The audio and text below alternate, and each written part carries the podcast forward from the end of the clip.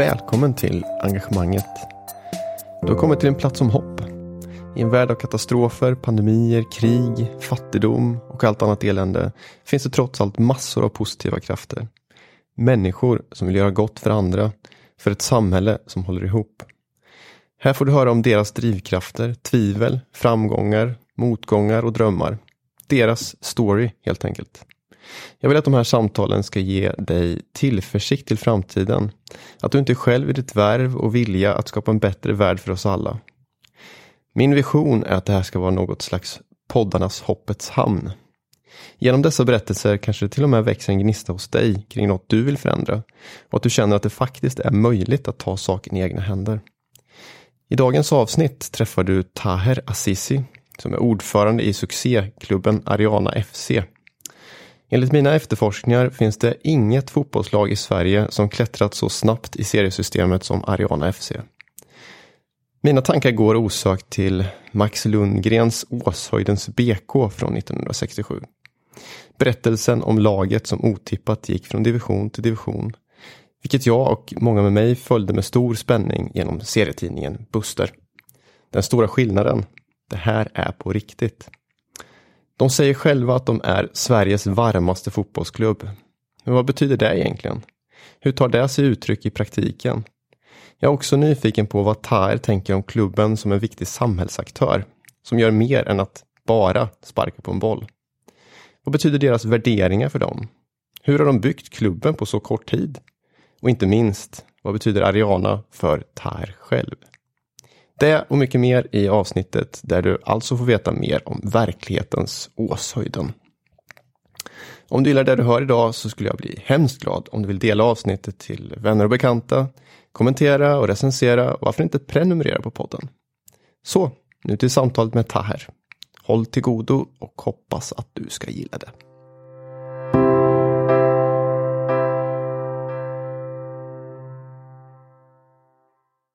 En fråga som du inte har fått Ja. i det här manuset, Tar. Ja. Vi är ju ett par dagar innan jul och sen ett par dagar efter att VM i fotboll avslutades. Ja. Och nu ska vi ändå prata med, eh, med dig om fotboll men också om fotboll som en, en ak aktör i samhället. Fotbollslag som aktörer i samhället. Så här. Har vi några sådana saker som vi ska klara av? Först några reflektioner kring fotbolls-VM. Har du några sådana spontana? Var det rätt lag som vann? Eh, I ärlighetens namn så hoppades jag faktiskt på antingen Argentina eller Portugal. Från början? Från hela början. Eh, Portugal för Cristiano Ronaldo och Argentina för Messi. För jag tänkte att det är två världens, eh, två världens bästa fotbollsspelare. Mm. Eh, men de har inte den titeln. Sen eh, har man väl alltid tyckt att Messi är lite bättre fotbollsspelare. Han var Eh, helt briljant i ja. vissa matcher i alla fall. Mm. Så han förtjänar den eh, nog. Eh, det, var så, lite så jag tänkte. Må bästa man vinna. Det var, och så blev det ju ändå Messi till slut. En sak som har blivit väldigt eh, tydlig tycker jag i det här fotbolls-VMet är ju att det inte helt går att skilja på idrott och politik. Det kanske blivit extra tydligt tänker jag. Så det är i alla fall många som har tyckt saker om att fotbolls-VM spelas där det spelas och så vidare. Har du, ska, vi, ska vi säga någonting om det eller vill du lämna det därhän? Nej, jag har inga problem med att uttrycka mig också. Eh, det är väl klart att fotbollen eh, påverkar eh, politiskt med tanke på att det är världens eh, största sport. Man brukar ju säga att alla sporter åt ena sidan och sen fotboll åt andra så kommer det ändå väga lite mer åt fotbollssidan när det kommer till antalet åskådare och, och, och, och supportrar och så vidare. Så det är klart att fotbollen påverkar politiken. Sen huruvida mästerskapet spelades i Qatar eller inte eh, och om det var bra val. Eh, ja, det finns ju väl eh, olika åsikter om det. Eh, Det finns det. Jag tycker personligen att eh, det Fifa gör är på något sätt modigt. Att man vågar eh, ta fotbollen till eh, områden eh, där det finns fördomar. Man var i Ryssland tidigare. eh, Man åkte ner till Qatar nu. Och sen ska man vidare mot USA, Mexiko. Alltså man tar människor över kontinenter på något sätt. Eh, sen eh, hur Qatar själv, eh, alltså deras interna problematik. Det är ju, det får tiden avgöra hur, hur pass långt de kommer med, med demokratisering och bla bla bla. Det tar sin tid. Mm. Det var inte fotbolls-VM i Qatar vi skulle prata om här. Så vi ska inte låta det här ta allt för mycket fokus utan mm. vi ska ju prata om ditt engagemang i Ariana FC. Yes. Och jag tänker eh, till att börja med så gratulera till ytterligare mm. en serieseger. Tack. Det är alltså sju avancemang på sju år för Ariana FCs eh, herrlag. Ja. Det är eh, helt otroligt. Om man tänker på det. Jag har tänkt på det här i veckan när jag har förberett mm. mig inför att prata med dig. Det är helt otroligt. Mm. Jag har inte hittat någon annan klubb som har gjort den här resan i Sverige. Det kan väl stämma va? Det stämmer ja. Det har vi också letat. Hela, också letat. hela internet. För att kunna säga att ni är de enda. Ja, nej, vi eh, är nog den enda klubben just idag som har det rekordet. Trodde du att ni skulle vara där ni är nu för, är det sju år sedan ni bildades? Eller åtta år sedan? Vi, föreningen bildades 2015 eh, med stadgar och registrering och, och så mm. vidare. Mm. Och så fick man börja spela fotboll 2016. Eh, Mm. Så det är sju spelande år och sju avancemang. Mm. Så om vi trodde på det. Yeah. Eh, ja, när jag kom in i föreningen så hade man nyligen bildats och eh, jag såg det i ögonen på, på, på Norla och mitt som registrerade föreningen. Mm. Att de ville detta. Och eh, vi trodde på det, ja. Mm. Absolut det är ju faktiskt eh, så att ni också varit tvungna att bygga organisationen i en mm. jättesnabb takt. Ju. Mm. Hur har den resan varit? Såklart väldigt eh, utmanande. Eh, det har ju varit en organisation med väldigt unga personer i, i styrelsen, mm. eh, medvetet. Okay. Vi har valt att inte ta in eh, äldre personer eh, med erfarenhet. Vad är anledningen till det? Eh, jo, eftersom att eh, folk som kanske redan var i föreningslivet eller i fotbollsklubbar eh, tidigare eh, och har styrt. Vi vill inte sätta det präglet på den här föreningen. Vi ville skapa något nytt, något fräscht, något modernt. Mm -hmm. eh, och eh, samtidigt hade vi någon känsla av att äldre personer kanske skapar någon form av dramatik i styrelsen av tidigare erfarenheter. Eh, och det ville vi undvika utan vi ville köra ungt, väldigt laddat och använda den energin för, för att eh, se till att klubben går framåt först och främst. Mm. Men det är ju ändå, nu kan inte jag allting om er organisation så men mm. man ser ju ändå att ni har lyckats på något sätt. Inte bara i idrottsliga framgångar utan det ni gör utanför planen också. Så, mm. så vad tror du att ni har gjort som andra nystartade klubbar kanske har misslyckats med? Vad är det ni har gjort annorlunda? Du var inne på en sak här att ni vill ha unga personer som var i organisationen. Så är det någonting annat du vill lyfta fram inledningsvis? Jo, det vi eh, nog... Det finns flera framgångsfaktorer. Eh, först och främst eh, vill jag lyfta alla de människor som har varit engagerade eh, och eh, gjort enorma uppoffringar eh, för att den här föreningen ska lyckas. Eh, men de här eh, uppoffringarna och engagemanget eh, det skapas ju av en viss typ av ledarskap i föreningen som sätter en väldigt tydlig vision och målsättning. Där känner jag att vi har varit väldigt tydliga från dag ett när föreningen bildades. Med en, en tydlig vision, väldigt bearbetad och sen väldigt tydliga målsättningar inför eh, långa perioder. Även långsiktiga mål, kortsiktiga. Och, och då är det inte svårt att engagera människor. Eh, för då vet man i vilken riktning man ska och vad som krävs och då uppoffrar folk mm. för detta. Mm. Så jag tror att eh, det, det är det som har varit den eh, största anledningen till att vi har lyckats. Eh, det är hur vi har styrt föreningen mm. mot sin vision. När kom du in? Du, du nämnde så här, du kom inte in helt inledningsvis. Det hade gått något år efter att klubben bildades som du kom in i? Ja, inte riktigt ett år för eh, jag kom in i samband Först bildades ju föreningen av Nordla Omid eh, och det var ju eh, hela, alltså min umgängeskrets mm -hmm. som var engagerade i föreningen. Så du var tvungen att gå in? eh, ja, på något sätt kände jag ett visst ansvar också. Eh, jag har varit föreningsaktiv eh, sen jag var väldigt liten. Eh, så jag kunde de bitarna och jag, jag minns att jag slog ett samtal till Omid eh, när föreningen precis hade bildats. Att jag finns till förfogande som sagt. Om det är någonting. Och sen eh, var det först när eh, bokföringen kom på tal. som jag och Nurla satte oss, satte oss ner och, och började mm. kolla på alla kvitton och, och började sätta det i ett system. Mm. För jag är företagare också så då, då blev det lite som att jag fick ett kontorsansvar. Se till att organisationen Ariana vid sidan om fotbollen ska byggas. Mm. Vad, vad är det som får dig då att lägga den tiden som du ändå gör på klubben och har gjort nu under de här åren? Mm. Främst är det ju intresse till fotbollen såklart. Eh, jag minns när jag var väldigt liten så satt jag och spelade fotbollsspel eh, hemma och sen Fifa Manager. Eh, för bara några dagar sen såg jag på Twitter att en person har börjat spela med Ariana på Fifa Manager. För vi har kommit upp till den wow. nivån nu. Och, och, och, han ska ta dem till Allsvenskan och, och så vidare. Och då minns jag när jag spelade eh, Fifa Manager 14-15 års åldern. Eh, då hittar man ju på lag och, och sen så tog man dem hela vägen upp till, i, i olika, eh, till en till nivå.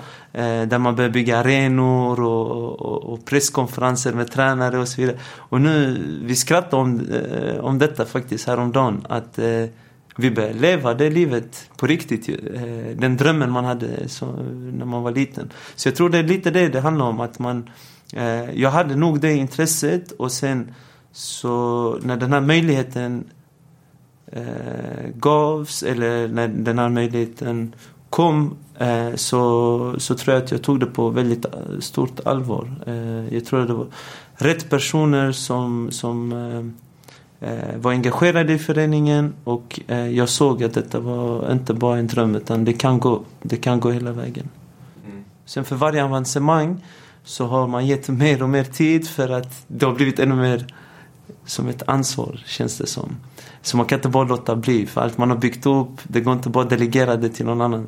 Eh, för jag tror inte att någon annan ger så mycket ideell tid. Mm. Mm.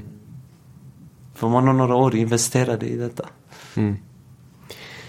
Det leder mig in på en annan fråga som jag funderat på mycket och som du kan få berätta om själv. Men det är ju det här med att eh, fotbollen är inte bara fotboll. Eller idrott generellt sett. Eh, så har inte jag sett på det under min uppväxt när jag har hållit på med olika idrotter och sådär. Det har varit superkul att hålla på med själva idrotten. Men det har varit lika mycket sakerna vid sidan om. Kamratskap, sammanhang, eh, allt det där som har varit viktigt. Så jag funderar på om du skulle bara ta oss tillbaka lite grann till basen för Ariana, alltså rent geografiskt i stan också. Mm. Det finns väl kanske en berättelse kring det och det är väl Kroksbäck om jag inte har fel va, som är själva basen.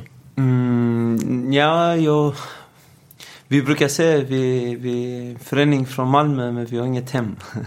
Nej, nej, okej. Okay. Eh, anledningen till det har blivit så är ju att Malmö stad, det växer. Det är en eh, befolkning som, eh, alltså, som växer hela tiden. Eh, och, och, många föreningar skapas hela tiden och så vidare. Så mm. det finns en viss förståelse kring varför vi inte har någon hemmaarena om man säger så. Nej, och, eh, ehm, vi började ju tävla på Hylje IP.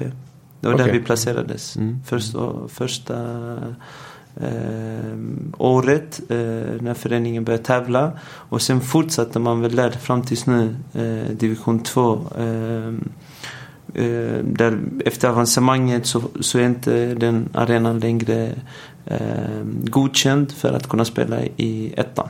Mm. Eh, men 2019 startade vi ungdomsverksamhet på, på Kroksbäck. För där fanns ett behov. Jaha, okej, okay, jag med. Ja, det hade funnits ungdomsverksamhet där på tio år. Eh, sedan BK Kick, en klassisk eh, förening, Just lade ner sin verksamhet. Sen är jag född och uppvuxen på Kroksbäck. Eh, sen, eh, och många andra i föreningen som är engagerade. Eh, men det är även många i föreningen som är uppvuxna på Rosengård, vissa på Linningen, vissa... Så vi är ganska blandade. Vi är ganska blandade i, i representation av vilket område i Malmö man kommer ifrån. Så vi är hela Malmös förening brukar vi säga. Malmö är ju lite speciellt på det sättet tycker jag som inflyttad. Nu har jag bott där i 16 år men så jag känner mig som en malmöit. Men det jag slås av varenda gång när jag är ute i stan och cyklar som jag gör ofta runt omkring är ju att det är så pass korta avstånd till allting. Mm. Eh, det kan vara en, en bro eller en väg emellan som, eh, som skiljer ett område från ett annat. Så det, men det finns också väldigt starka identiteter kring olika områden upplever jag som kommer utifrån. Då. Absolut. Och det har man märkt av i, i föreningslivet också såklart. Det har Mhm, man märkt mm. av när man var yngre. När man växte upp. Kroksbäck är väl gränsen till de fina områdena i, i, i Malmö. Eh, sista eh, området i, i, i stan som kallas kanske för särskilt utsatt och, och så vidare. Eh, sen är det ju den här muren in till Bellevue och, och Limhamn och de rika områdena. Precis. Så, eh, men Malmö, alltså det är häftigt att bo i Malmö men just av den anledningen att det är korta avstånd. Mm. Man kommer inte ifrån varandra. Nej, Eh, så eh, med cykel eh, från eh, stranden eh, på Limhamn till Rosengård bara kan det ta max 30 minuter. Ja, Om man cyklar smart. Ja. genom Pildammarna. cykla snabbt. Så tar det nog 20 kanske till och med. Ja, exakt. Så det är speciellt när man får gäster från större städer eh, som besöker Malmö. Så känner de en viss eh, Wow, det var, det var ju helt skönt att bo här säkert. Alltså typ Stockholm, det tar ju jättelång tid Ja, från ett ställe till ett annat. Det känns så stress, stressigt hela tiden. Men Malmö känns eh, lagom stort.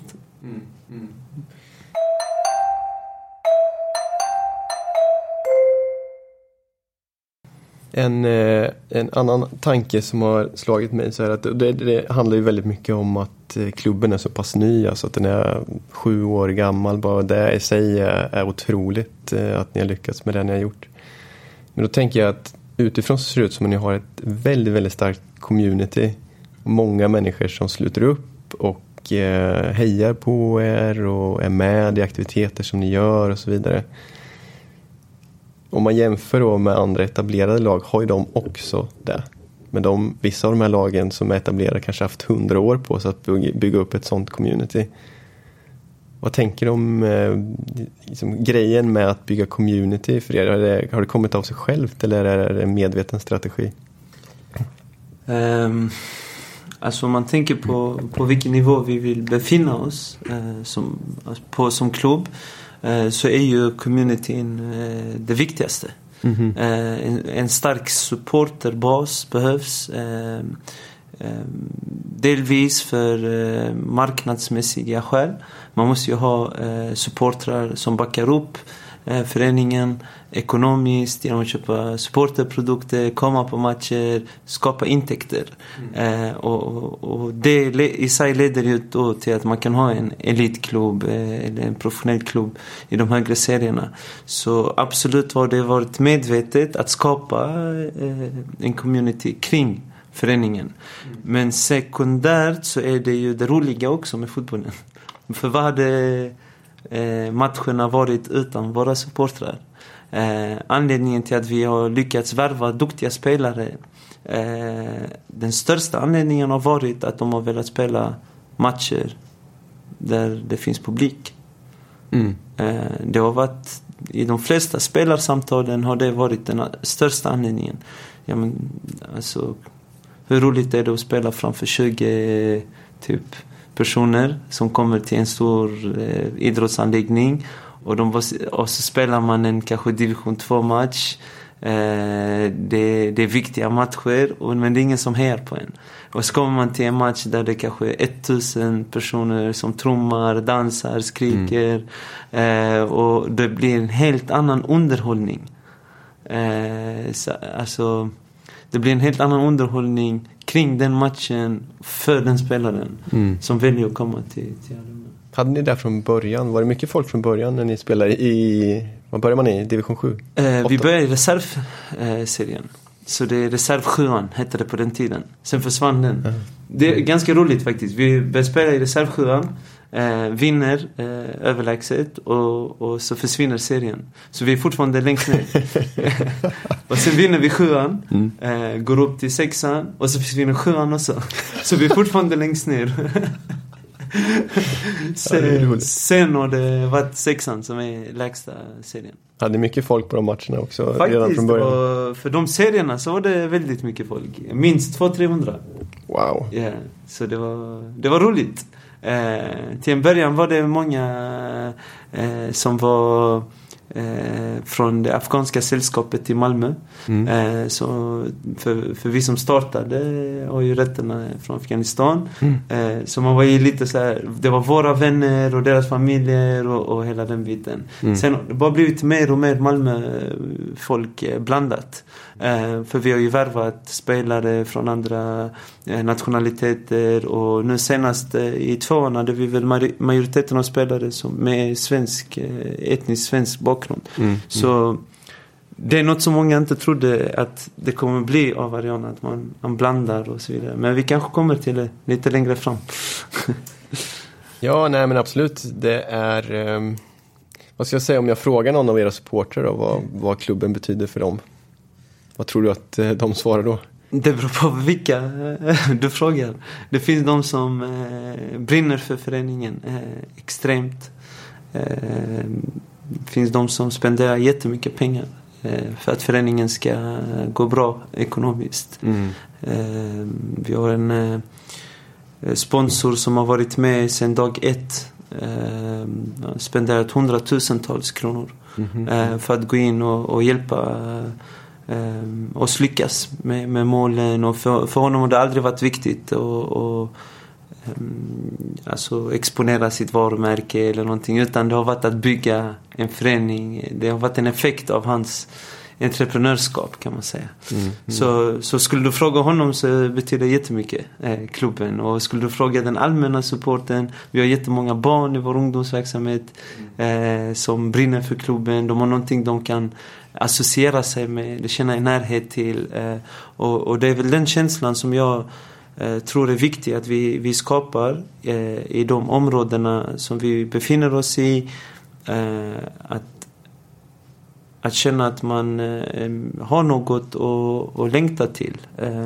En helgmatch där man kommer och träffar folk, vinner, får den här vinnarkänslan och så börjar man veckan därpå i skolan och så vidare. Så att man, man har den här positiva...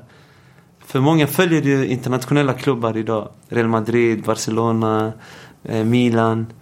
Eh, Milan, världens bästa klubb. Eh, så, Fick du slänga in det? Exakt. eh, men eh, vi, den känslan en lokal klubb ger en är helt annorlunda.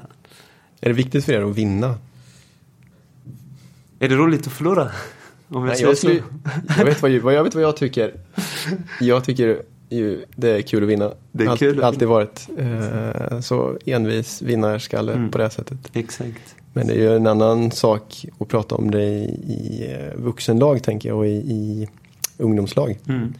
Men jag tror även i ungdomslag så är det jätteviktigt att man inte ehm, att man inte försöker ehm, ta bort ehm, Eh, vikten av vinster på något sätt ändå. För känslan av att vara en, en vinnarskalle behöver inte vara aggressivt. Jag vet att många tänker att bara, du får inte säga till barnen att de inte ska vinna hela tiden och det är farligt och, och så vidare. Jag förstår att man inte ska vara aggressiv kring det men, men ett barn måste få en viss mentalitet om att vinna behöver inte betyda att man besegrar någon annan utan det kan vara att vinna över sig själv också i många moment. Jag tar den här lilla extra löpningen för jag vill vinna över gårdagens Taher till exempel. Jag kunde springa eh, alltså kanske två kilometer, nu kan jag springa tre kilometer. Alltså det är hela tiden att utmana sig själv. Jag fick B på matteprovet, jag vill få A. Du vet, hela den här tankesättet, mentaliteten. Eh, den får man inte tumma på, ty tycker jag eh, personligen. Sen fattar jag att det finns barn med olika förutsättningar, olika behov. Då får man jobba med det. Men man får inte heller ta bort vad majoriteten är i behov av. Eh... Ja, det är en mentalitet man kan använda sig av mm. i hela livet kanske då. Exakt. Som går igen i många andra delar. Som handlar om det. är ett intressant perspektiv där du, du säger där tycker jag. Mm. I förhållande till att vinna över sig själv också. Det där fattade nog jag först när jag började när jag slutade med lagidrott. Mm. Och började för min egen skull. Att, eh, jag sa till dig förut innan vi började att jag mm. springer mycket. Liksom. Mm. Då började jag förstå det. Mm. För jag kan aldrig bli bäst i det. Nej, nej. Och, och, så då kan jag bara försöka bli mitt bästa jag. I Exakt. Jag kan bara bli mitt bästa jag. Och vi är alla, vi är alla unika blommor som växer på, på vårt eget sätt. Och, och vi har vår egen doft, vår, vår, egen skönhet. Så brukar jag se det, människan. Mm. Eh, och, och, kan man få ut det bästa av sig själv så, så, så är det ju en själv som nyttjas av det. Och då kommer ju en omgivning nyttjas av en också. Då blir det ett bättre samhälle så att säga. Fina liknelser, Tyler.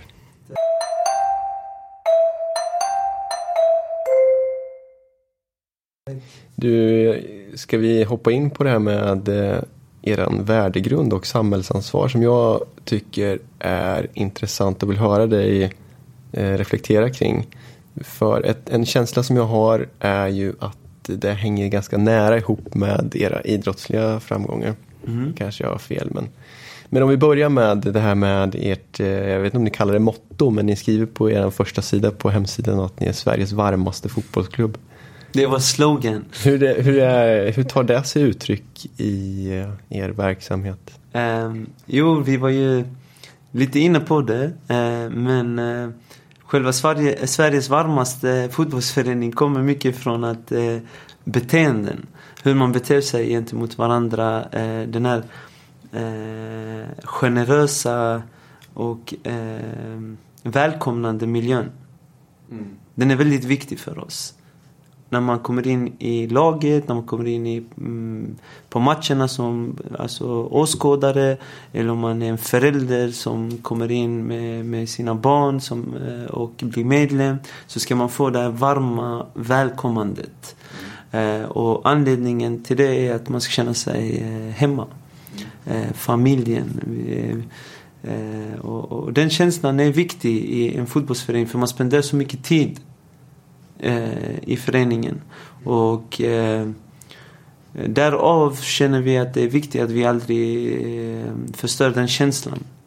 Och så varmaste är väl för, för det. Och sen var det mycket dans och, och, och, och, sånt i början när vi skapade föreningen. Mycket dans, musik, mat och allt sånt associeras ju till värme och glädje och så vidare. Så det bara blev Sveriges varmaste fotbollsförening. Mm. Tror du att jag har rätt i det här påståendet om att det hänger nära samman med eh, hur ni har lyckats i, i idrottsligt också? Mycket. Absolut. Eh, det, det går eh, hand i hand med, med, med, våra idrottsliga framgångar. Absolut. Eh, för när det har varit motgångar så har ju just den här värmen och, och kärleken som finns mellan spelarna. Kärlek är ett väldigt starkt laddat ord.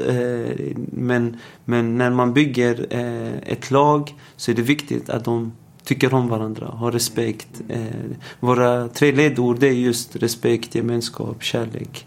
Och att de hänger ihop som en kedja. Där respekt är först och främst. Märker vi att det är några spelare som inte har respekt i truppen och så vidare så, så tar det inte lång tid innan de är väck. Utan omklädningsrummet ska alltid vara premiummänniskor. Beteende. Premiumbeteende mm, mm. brukar vi säga. Mm. Så du ska hälsa bra, du ska lämna bra, du ska prata bra. Och hela den här biten. Sen klart att det finns skoj och, och avslappning. Alltså det är ju inte heller en eh, alltså här, artighetens slott om man säger så. Utan folk får ju slappna av. Men, eh, Men det ska vara artigt, det ska vara fint och, och så här. Eh, och sen eh, är det ju gemenskap som skapas av det ju. När folk har respekt till varandra. Och sen skapas det i, i, i slutändan en kärleksfull miljö. Så när vi har haft motgångar så har det ju varit just det här att man har hållit ihop. Som har gjort att man har kunnat växa sig ur motgångarna. Jag, jag tror att eh, det du säger nu är otroligt viktigt, inte minst inom fotbollen. Att det finns ju också saker inom fotbollen som är inte så konstruktiva. Om, om vi pratar om eh, i omklädningsrum och attityder gentemot varandra och sådär. Det finns ju ganska många exempel på där det inte är så respektfullt. Så det är ju en väldigt viktig, eh, viktigt perspektiv att ha med sig i allt man gör tror jag. Absolut. Jag tänkte på ert samhällsansvar, alltså, om du kan, kan fördjupa det lite grann. Yeah. Vi har varit inne på det ett par gånger tidigare, så här, men vad är det egentligen? Varför är det viktigt för en idrottsklubb, eh, eller för, då ska jag säga, för Ariana? Varför är det viktigt för Ariana att vara en samhällsaktör också, inte bara en fotbollsklubb? Vi som är engagerade i föreningen eh, ser ju väldigt många utmaningar i, i vårt samhälle. Eh, inte minst eh, med, med integrationen. Eh, vi, upp, de flesta av oss är födda och uppvuxna här, eh, har sett olika migrationsvågor. nu senast 2015 kom det ju jättemycket ensamkommande och jättemycket folk från, från Syrien och Afghanistan och eh, olika delar av världen innan man eh, stängde gränserna. Eh, och sen så var det ju den här integrationsutmaningen så att säga. Och föreningen skapades väl under den perioden. Och Just det. 2015, 16. Mm. Mm. Så, så det var ju väl lite där också vi kände att vi kunde göra en insats. Eh, sen vi som var engagerade i föreningen, bland annat jag jobbade mycket med, med jag jobbade på ett studieförbund eh, som var engagerad i de frågorna. Så det är klart att det gav en liten effekt också. Mm. Eh, att man eh, på något sätt fick Ariana med sig i, i de insatserna.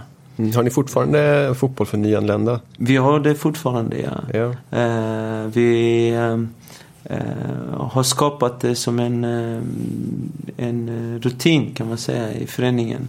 Mm. Eh, där folk kan använda sig av de träningsytor vi har och så vidare. Och vi har inomhusfotboll där vi eh, bokar hallar, och, och fixar bollar, västar och, och, så får de träna med landslagsspelare och så vidare. Mm. Då, då, eh, så det uppskattas jättemycket mm. eh, av de nyanlända. Ja. Vad har vi mer för exempel? Vad har ni för pågående nu som är spännande som du kan berätta om? Mm, vi har en eh, satsning faktiskt eh, på tjejfotbollen. Mm. Eh, som vi håller på med just nu. Eh, där vi 2023 eh, har som målsättning att starta minst två flicklag. Mm, mm. Eh, och eh, vi undersöker den frågan jättemycket just nu. Det är en utmaning. Eh, sen eh, har vi haft mycket folkbildningsinsatser. Inom, vad betyder det? Ja, så vi ser till att många i föreningen folkbildar sig. Mm -hmm. Helt enkelt. Om det är fotografi, om det är videoredigering, om det... Så det har ju väl också varit en av våra styrkor. Att vi har varit Eh, väldigt måna om att eh, ha en bra image utåt. Eh, och för det krävs ju kunskap. Är det samarbeten med studieförbund? Och, hur, går det till? Ja, det, vi har ju Rik, Riksidrottsförbundets okay. studieförbund, SISU, som vi har samarbete med. sen har vi haft gott samarbete med, med bland annat MBV som har hjälpt oss med lokaler och sånt. Där du jobbade förut va? Jag jobbade förut, exakt. Eh, så, så det har varit eh, kul att använda alla de eh, faciliteterna som finns runt omkring föreningen. Vad, om man ser lite framåt här. Mm. Om du får liksom tänka 5-10 år framåt i tiden. Så här, vad är det du vill ha åstadkommit med klubben? Vad, vad tror du att ni befinner er då? Går det att säga om det? Ja, alltså det är svårt att spå in i framtiden men vi jobbar med långsiktiga planer faktiskt. Vad är vision? Om man säger så att ni har kanske har en vision för... Vi, vår vision är ju att gå ut i Europa. Eh, Vi, det, den är ju enkel. Vi vill, sätta, vi vill sätta färg på svensk fotboll och sedan ut i Europa. Eh, Men eh, nu är det många säkert som tänker, vad menar ni med sätta färg? Och så. Ja, förklara. Sätta färg på svensk fotboll var ju mer att de lagen vi spelade i våra ungdomsår var så tråkiga. Alltså det, det, Som ni själva spelade i? Ja, alla som var engagerade och i, i föreningen. Alla som är engagerade i föreningen har ju spelat i, i lag tidigare och, och, och vuxit upp i, i olika Malmölag. Eh, nej men det var så tråkigt alltså. Det är väldigt klassiskt, komma, träna, gå och sen eh, inga speciellt, eh, inget speciellt på matcherna och så här. Eh, så vi tänkte att vi ska eh, sätta färg. Med, med det menas, vi, menas ju och, och, och både digitalt, väldigt färgrikt, fina bilder, skapa någon form av eh, följarskara och det har vi ju lyckats med ganska bra. Eh, vi har mycket följare på sociala medier. Men sen var det också att få, få till det på matcherna. Eh, publiken. Trummor, mat, eh, dans. Eh, allt sånt kan man associera med färg, alltså på Mm. något sätt. Mm. Eh, och sen finns det ju ett underliggande, en, en underliggande grej också med det. Och det är väl inkluderingsfrågan. Där vi känner att Malmö växer som stad. Det är en eh, väldigt internationell befolkning i staden. Eh, och vi kände att vi kan vara en inkluderande klubb, eh, en, en inkluderande klubb som representerar alla Malmös färger Mm. Mm. och sedan sätta färg på svensk fotboll. Eh, och för svensk fotboll har ju också sina utmaningar. Mm. Eh, med, med, om man kollar på maktstrukturer och så vidare. Så, så där känner vi att vi kan bidra till svensk fotboll. Mm. För där finns mycket att bidra till. Vi spelar ju ingen VM nu. Nej, nej. Men där är visionen i alla fall på något sätt. Mm. Tänker utanför det sportsliga också. Mm. Är, ehm, har ni några nya spännande projekt på gång som du kan avslöja? Eller hur, hur tänker du kring det? Ja, det är ju ett projekt som jag eh, håller på med just nu eh, och rotar i. Eh, som är väldigt spännande faktiskt. Eh, vi undersöker eh, föräldraengagemang eh, bland utrikesfödda. Eh, och, eh, eller eh, barn som spelar fotboll med eh, utrikesfödda föräldrar. Ja, visst. Mm. Och, och engagemanget där. Eh, det, det är ett väldigt typ, alltså, mönster som finns nationellt. Eh, Också kanske ett integrationsproblem. Eller det, det är ett in, integrationsproblem.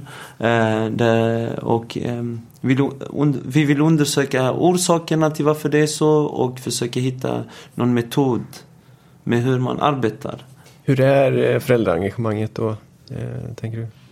Den är låg bland, bland den målgruppen. Mhm. Ehm, Vad betyder det att det är lågt? Och... Ett exempel, om vi kollar på våra träningar eh, som vi har på Kroksbäck eh, så är det väldigt många färre föräldrar eh, som kommer dit och är närvarande än om Mhm. man går ut till kanske andra delar av stan Mm. eh, där det är kanske fler barn med etnisk svensk bakgrund. Eh, och, och, och då kollar man att det är fler föräldrar som är närvarande.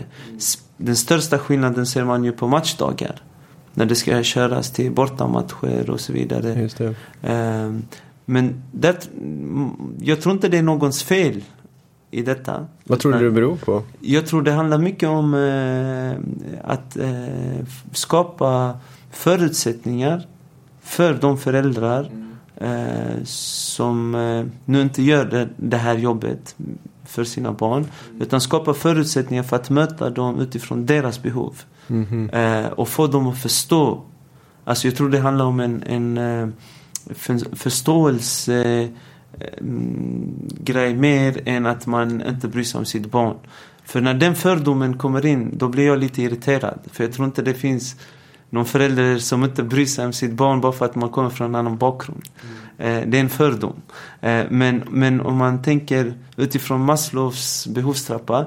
Eh, så för de föräldrarna som har flytt från krig och, och förödelse, fattigdom och så vidare. När de kommer hit, det, det, är inte, det är inte det första de tänker på svensk föreningsliv, mm. föreningstraditioner. För det har inte funnits i deras hemländer. Nej. Eh, för de flesta länderna som folk har flytt ifrån till Sverige eh, har inte kommit upp i den behovstrappan så långt upp.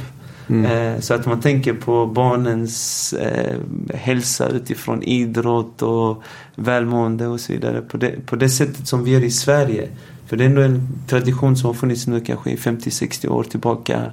Att man är väldigt mån om barnens hälsa och, och att man är med mm. på matcherna. Man står i kiosken som förälder, hjälper till i den lokala föreningen. Det tänket finns inte.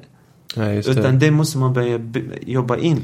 Hur gör man det? Har ni någon tanke om hur ni ska göra det redan eller? Nej men det är det jag vill eh, jobba med på mm, något mm, sätt mm. I, i form av något projekt. Eh, för detta är ingenting man kan göra bara eh, alltså det går inte bara att göra det utan man måste eh, nog eh, vara väldigt eh, målmedveten om hur och metoderna, ta fram rätt metoder och nå ut till den målgruppen med, med rätt kunskap, rätt information så att man skapar en förändring och den kommer ta sin tid, det är en process. Mm, mm.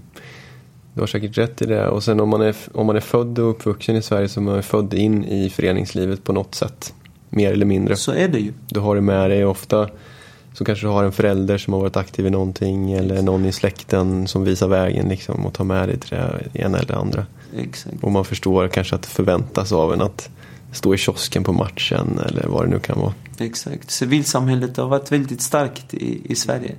Mm. Eh, till och med gentemot många eh, europeiska länder och, och så vidare. Om man kollar Eh, så har ju civilsamhället i Sverige varit väldigt starkt. Mm. Eh, och bidragit till mycket. Eh, och, och det förstår den gemene mannen i Sverige. Mm, mm. Men inte... Alltså när folk kommer utifrån så, så är det en förståelsefråga mer. Mm. Jag tror vi kan jobba med den biten väldigt mycket. Mm. Eftersom vi är vi har ju folk i föreningen som är engagerade som är andra generationens eh, invandrare om man säger så. Eh, även om inte jag gillar det ordet. Eh, sen blir det tredje och fjärde. Vi slutar aldrig vandra som mm. det var någon ståuppkomiker som sa det. men, men jag tror att vi, vi bär med oss erfarenheter som kan vara till gagn för just den här integrationsutmaningen. Mm. Jag tror våra åsikter har ganska mycket eh, tyngd Mm. Om de lyssnas på. du var inne på det på så att ni som förening är, är lite annorlunda mot andra föreningar. Så vad, vad, tror du då att andra föreningar skulle kunna lära av er? Mm, den är svår alltså. Vad, vad andra föreningar ska lära sig av oss. Jag tänker att jag har massor av saker som eh, handlar om inkludering eh, och som handlar om värdegrund, som handlar om eh, hur man eh, bygger community mm. och så vidare.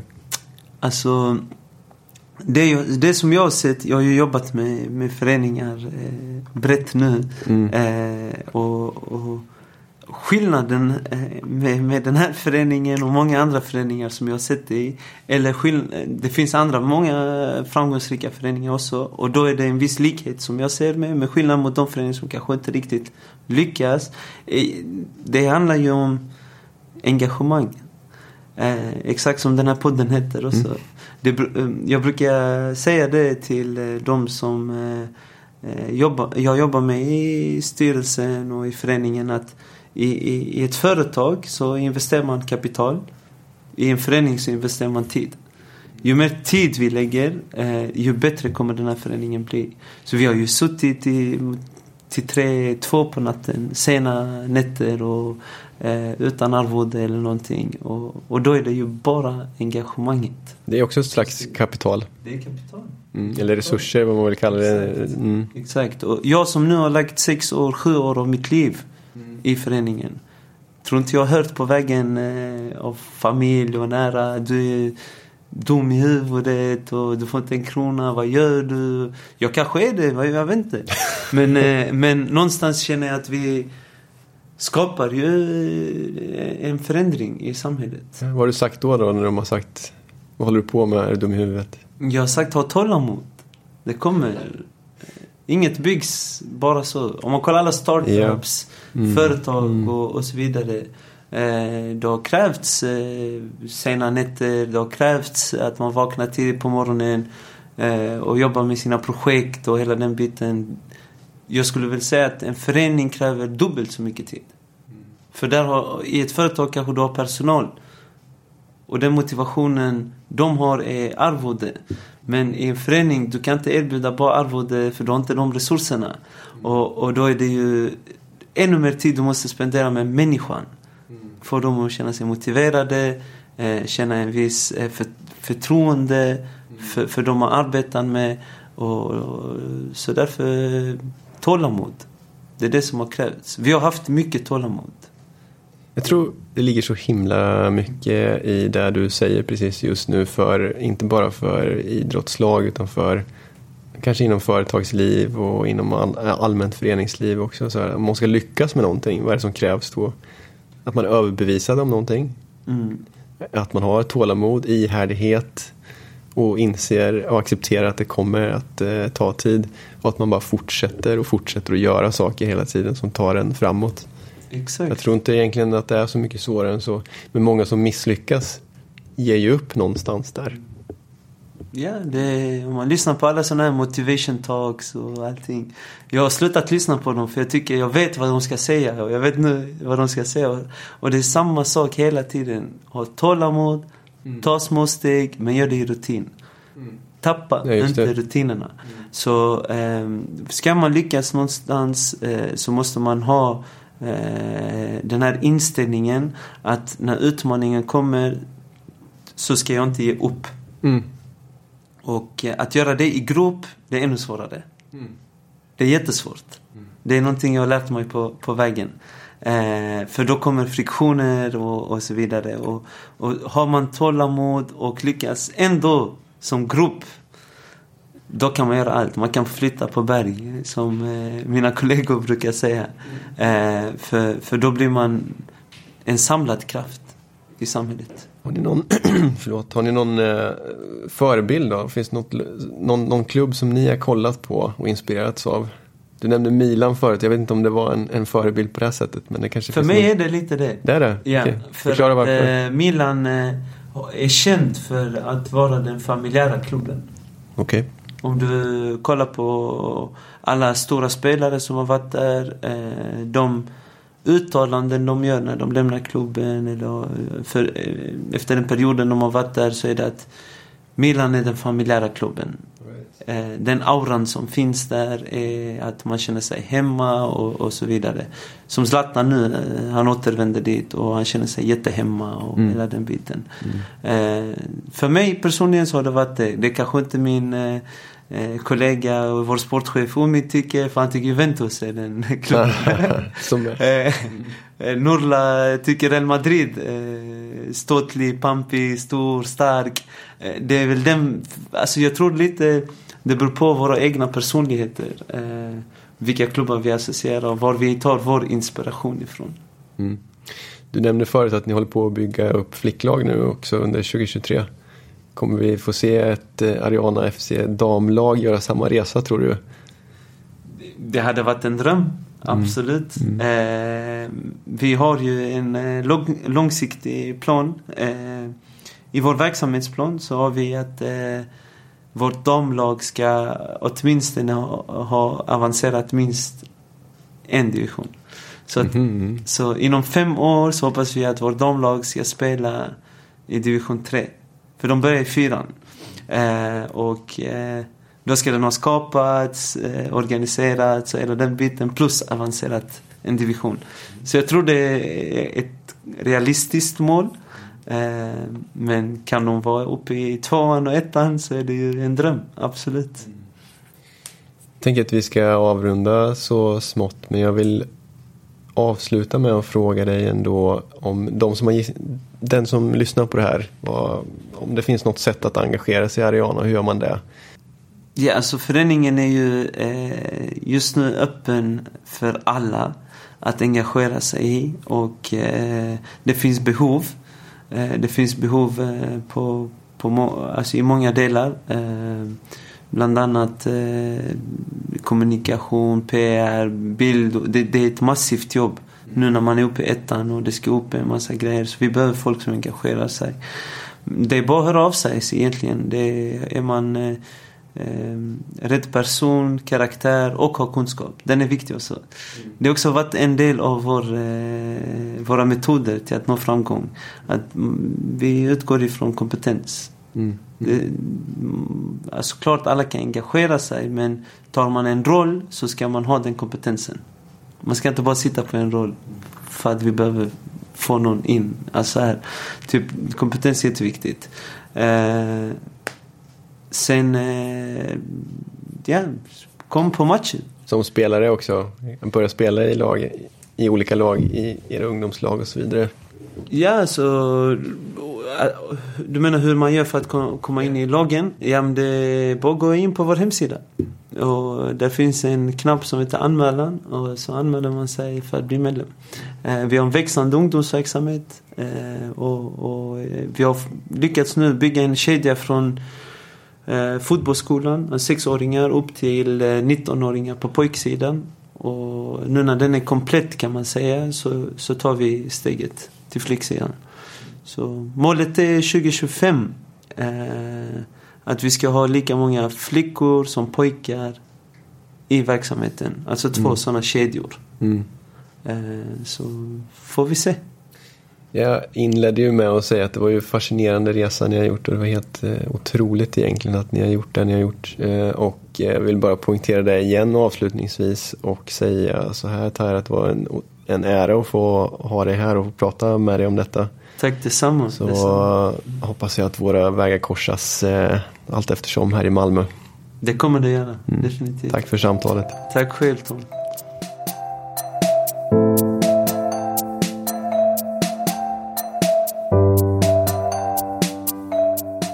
Det var allt för idag. Tack för att du har lyssnat. Om du gillade det du hörde så skulle jag bli hemskt tacksam om du delade avsnittet vidare i ditt kontaktnät. Jag skulle också uppskatta om du vill recensera avsnittet, lämna en kommentar eller reflektion eller helt enkelt ge mig ett förslag på vem jag borde träffa härnäst i podden. Numera hittar du även engagemanget på Instagram där jag kommer att göra löpande uppdateringar om podden. Så håll utkik där. Allt gott och ta hand om dig.